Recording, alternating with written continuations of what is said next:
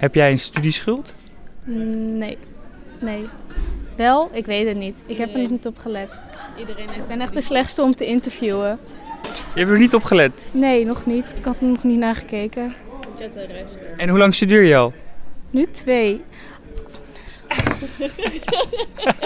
oh, je bent echt... Ik ben echt de slechtste.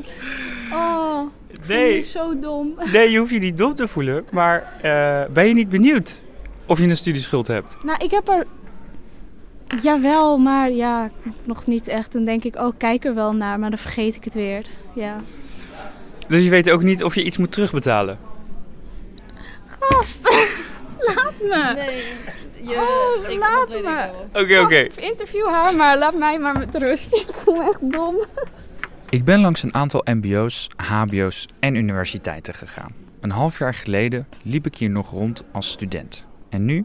Nu als journalist. Willen jullie je mond houden, jongens? Ja, wil je- Hoor. zijn ze al stil? Nee. Oké, laten we beginnen. Heb jij toevallig nu ehm, schulden openstaan bij je vrienden? Nee. Ooit gebeurd?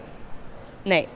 Nooit een financiële Nou ja, kleine schuld? Kijk, als iemand even een, eh een festivalkaartje heeft betaald en ik betaal het de dag later terug, is dat, is dat een schuld? Vind je het vervelend om schuld te staan bij je vrienden? Ehm, het ligt eraan een beetje welke vrienden. Als ze heel close staan, vind ik het eigenlijk niet zo erg. Want dan denk ik, nou, komt wel goed. Maar als het iets verder staat, dan ben ik wel vaak degene die het betaalt in plaats van een ander. En hoe kijk je naar je studieschuld bijvoorbeeld? Oh, nou, daar kijk ik liever niet naar. nee, dat is echt een verschrikking. Ik ben hier bij de studenten, omdat ik een onderzoek tegenkwam van het Nationaal Instituut voor Budgetvoorlichting, het NIBUD. Daarin staat dat in 2015 30% van de studenten zijn studieschuld als probleem ervoor. In 2017, nadat het nieuwe sociale leenstelsel inging, oftewel de studiebeurs wegging, daalde dit naar 12%, terwijl er in totaal wel meer geleend wordt. Steeds minder studenten ervaren een studieschuld dus als probleem. Hoe komt dat? Ik wil uitzoeken wat er gebeurt. De schulden opstaan bij eh, de overheid? Tot nu toe heb ik ook geen schulden opgebouwd bij de overheid, dus ik eh, ben clean. Je bent helemaal clean. Ik ben helemaal clean. 1 op de 3 is clean. Dus 2 op de 3 van de Nederlandse studenten heeft wel een studieschuld. Hoe ervaren ze die? Ik plak een aantal reacties achter elkaar. Eh, nou, daar zit ik niet zo mee. Waarom? Ja, ik wil wel gewoon studeren. Dus eh, dat maakt het mogelijk. Ik probeer me gewoon heel erg te focussen op mijn studie. En dan heb, hebben de meeste mensen wel het vertrouwen dat ze later het gewoon terug kunnen betalen. En dat heb ik eigenlijk zelf ook wel. Ja, hoe voel ik me erover? Het moet gewoon niet uit de hand gaan lopen. Nou, ik zie het wel een beetje als een investering in mezelf eigenlijk. En het is niet dat het eh, volledig escaleert of zo. Je kan het echt minimaal terugbetalen. Dus eh, daar maak ik me totaal geen zorgen over. En hoe voel je je over je studieschuld? Ja, heel slecht. Maar ik, ik, eh, ik, ik, ik leen eigenlijk maximaal bij. En ik eh, voel me er eigenlijk niet zo heel slecht over. Omdat ik weet dat er straks gewoon maar ehm, ja, heel weinig rente op komt. En eh, je heel erg lang de tijd hebt om terug te betalen. Dus eigenlijk maak ik me niet zo'n zorgen om. En ik weet dat dat heel slecht is, maar het, het is toch echt zo. Ik, ik ben er gewoon momenteel nog helemaal niet mee bezig. Met dat ik, dat ik nu een schuld opbouw. En ik heb nu vooral zoiets, en dat is heel slecht. Maar maximaal lenen is maximaal leven. En dus eigenlijk eh, heb ik er, ja, ik heb er nog gewoon geen last van nu. De studenten die ik spreek maken zich inderdaad niet zo'n zorgen over een studieschuld. Ik spreek er een die ik zelf wat langer ken. Ze heeft ook een studieschuld. Volgens mij is het eh, in totaal 60.000 euro. Dus heel veel. Voor de luisteraar, wie, wie ben je? Ik ben Sietske, ik ben 25 jaar oud. Sietske de Jong zit in de laatste fase van haar studie. Ze is gespecialiseerd in monetaire economie. En ehm, bijna klaar voor de grote stap naar de wereld vol vaste contracten en eh, verplichtingen. Monetaire economie. Ze is geen leek. Ik ben bijvoorbeeld een, eh, heel erg een leken in dat opzicht hoor. Maar ehm, wat ik me dan afvraag met uitgaven, is de mens een, een rationeel wezen in dat opzicht als hij, als hij geld uitgeeft en zo? Zijn er dingen die je ook in je studie voorbij zag komen, dit soort vragen? Is de mens een rationeel wezen? Nou, de mens is sowieso niet rationeel. En dat is natuurlijk de grootste fout in de economische wetenschap, zeker in de bachelor. En dat is ook Ik bedoel, als de financiële crisis iets heeft aangetoond, is dat wij absoluut niet rationeel redeneren. Maar toch is assumptie nummer één bij elk economisch model of elke economische theorie dat je uitgaat van rationele verwachtingen. En in de master wordt daar gelukkig wel een beetje scherper naar gekeken en inderdaad erkend dat dat niet zo is en alternatieve modellen aangedragen. Maar in de bachelor hebben we echt een heel simpel beeld van de mens en haar verwachtingen en hoe verwachtingen invloed hebben op beslissingen. Vorig jaar nog won Richard Taylor de Nobelprijs voor de economie. Voor zijn onderzoek dat de mens niet rationeel is als het om geld gaat. Maar de student economie is vast rationeler. Ik vraag haar hoe ze bekend is geworden met lenen bij de staat. Dat was voor mij eigenlijk heel erg abstract. Ook omdat mijn ouders er bijna niet over spraken. Ik wist wel dat het kon natuurlijk en er verhalen die de ronde gingen. En ik weet nog dat mijn ouders wel een keer, toen heette het nog Nova, het nieuwe nieuwsuur dat er een item was over een meisje, wat volgens mij vond ik toen heel lang over studie deed, acht jaar. Dus wat ik nu zelf vond. En geloof ik kunstgeschiedenis deed. En, waarvan, en alleen maar wintersport gingen naar Zuidoost-Azië. En dat mijn ouders wel een beetje mopperend zo op de bank zaten van... nou, dat is natuurlijk heel dom en dat kan niet. Dus dat is de enige levendige herinnering die ik heb aan ja, het thema studieschuld. De herinnering van Sietske klopt. We hebben het stukje teruggevonden. Laten we even luisteren. Steeds meer studenten lenen geld van de overheid en ze lenen ook steeds meer. hey, een bekende stem. Clary Polak als presentator bij Nova. Wat was haar onderzoeksvraag? Gaan studenten te graag op vakantie? Kunnen ze niet zonder de nieuwste laptop of iPod? Romilde van Dongen en Rudy Bauma zochten het uit. Elk jaar in ieder geval twee keer op vakantie. Ehm, vorig jaar zijn we naar Mongolië geweest, China, hebben we de Trans-Mongolië Express gedaan. En um, we zijn ook nog drie keer op Winsport geweest. Het is duidelijk waarom de ouders van Sietke zo'n bedenkingen hadden bij een studielening. Hoe is dat bij Sietke gegaan uiteindelijk? Het was één groot feest. Heel veel geleerd, heel veel gegroeid. Heel erg tegen mezelf aangelopen. Lang. Ik zit nu in mijn achtste jaar. Ik durf het bijna niet uit te spreken. Dat gaat richting de Mark Rutte termijnen aan.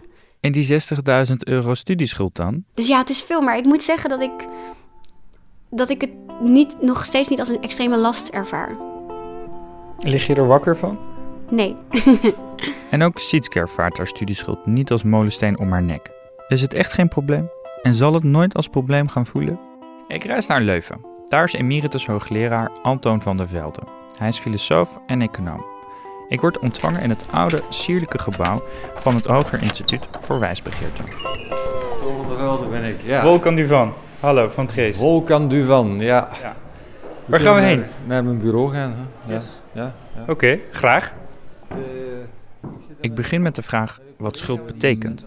Schuld betekent dat men een claim op ons kan leggen. Uh, een claim die moet leiden tot terugbetaling. Dus schuld betekent ik heb iets ontvangen. Tegenover datgene wat ik ontvangen heb staat iets wat ik moet teruggeven. En in zuiver economische modellen ja, moet er equivalentie zijn tussen wat ik ontvang en wat ik geef. Zijn er verschillen in schuldbeleving per type schuld? Ja, natuurlijk, die overheid dat is heel anoniem.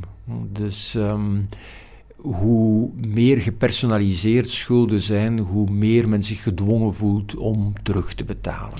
Van der Velde legt mij uit dat een schuld bij vrienden meer druk geeft om terug te betalen dan bijvoorbeeld aan de staat. Ik leg hem het onderzoek voor waaruit blijkt dat steeds minder studenten onder het sociale leenstelsel hun studieschuld als probleem ervaren. Het empirisch onderzoek wijst uit dat de, de aanvaardbaarheid van die schuld uh, toegenomen is, dat mensen daar makkelijker mee om kunnen. Maar... En, waarom denkt u dat die cijfers in, in Nederland zijn veranderd? Omdat er een gewenningsproces is opgetreden. Dus men, heeft, uh, men is er stilletjes mee begonnen en uh, ja, dan zien mensen, ja, het is, het is maar een kleine schuld, het maakt niet zo heel veel uit, het is niet zo'n echt grote belasting van het leven. De Nederlandse overheid zegt, ja, maar die, die voorwaarden, um, hoe die studenten kunnen terugbetalen, is hartstikke goed. Dus ja, waar maken we ons zorgen om? Ja, maar daar is toch zoiets waarbij mensen niet, laten we zeggen, mensen, mensen willen toch een zekere autonomie, dat wil zeggen niet met schulden beladen zijn. Mensen willen uh, vrij in het leven staan en vrijheid betekent hier, ik wil geen schulden hebben. Waarom is die vrijheid zo belangrijk? Um, wel, die vrijheid is belangrijk. Uh, veel mensen zeggen van ja, maar uh, ik weet wat ik wil in mijn leven en die vrijheid heb ik niet nodig, want ik weet heel goed wat ik wil. Maar natuurlijk, we weten tegelijk dat onze meningen veranderen in de loop van de jaren. Als ik naar die cijfers kijk, dan, dan denk ik, Het is eigenlijk heel normaal geworden om een schuld te hebben. Dat is eigenlijk het regime waar de hele wereldeconomie aan eh, op leeft. Dus de hele wereldeconomie is overgedopeerd door schulden. En zeker ook in een tijd van, van heel lage interestvoeten, ja, eh, zullen mensen, worden mensen eigenlijk de facto gepusht, geduwd om meer schulden te gaan aangaan. Hoe meer schulden mensen hebben, hoe minder onafhankelijk ze zijn, hoe minder vrij ze zijn. Wat heel veel mensen belangrijk vinden, want ik op een bepaalde leeftijd. Uh, en mensen zeggen van ja, eigenlijk zou ik graag wat minder werken, maar ik heb nog een afbetaling voor mijn huis of voor mijn studielening of voor dit en dit. Dus het beperkt wel degelijk je vrijheid en het verhoogt de kwetsbaarheid van mensen. Van der Velde begint er zelf ook al over: de hypotheek. Dat kan in de toekomst tot beperkingen leiden. Sietske komt er door haar vriendje ook achter. Kijk, ik heb laatst bijvoorbeeld gekeken naar wat voor een hypotheek ik eventueel zou kunnen krijgen in een bepaalde branche. Of uh, hoe groot mijn totaalschuld is. Want dat heb ik niet was ik niet wekelijks aan het opzoeken. En mijn vriendje, met wie ik samenwoon, die uh, werkt sinds kort. En toen heeft hij zelf bekeken wat zijn schuld was. En dat was heel hoog. En toen eiste hij eigenlijk van mij dat we ook samen zouden kijken hoe groot mijn schuld was. En ik vond het heel lastig. En het riep super veel weerstand op. Maar toen hebben we samen echt naar gekeken naar het computerschermpje. Alsof je bijna een SOA-uitslag kreeg. En toen stond er opeens een heel groot bedrag. En uh, ja, dus sindsdien, uh, weet, ja, sindsdien ben ik er actiever mee bezig, maar ik ga er nog niet onder gebukt. Ik vraag me af of dat zo blijft. Want als Sietske inderdaad een hypotheek wil, is ze wettelijk verplicht al haar financiële verplichtingen te melden. Voelt ze zich dan nog zo vogelvrij?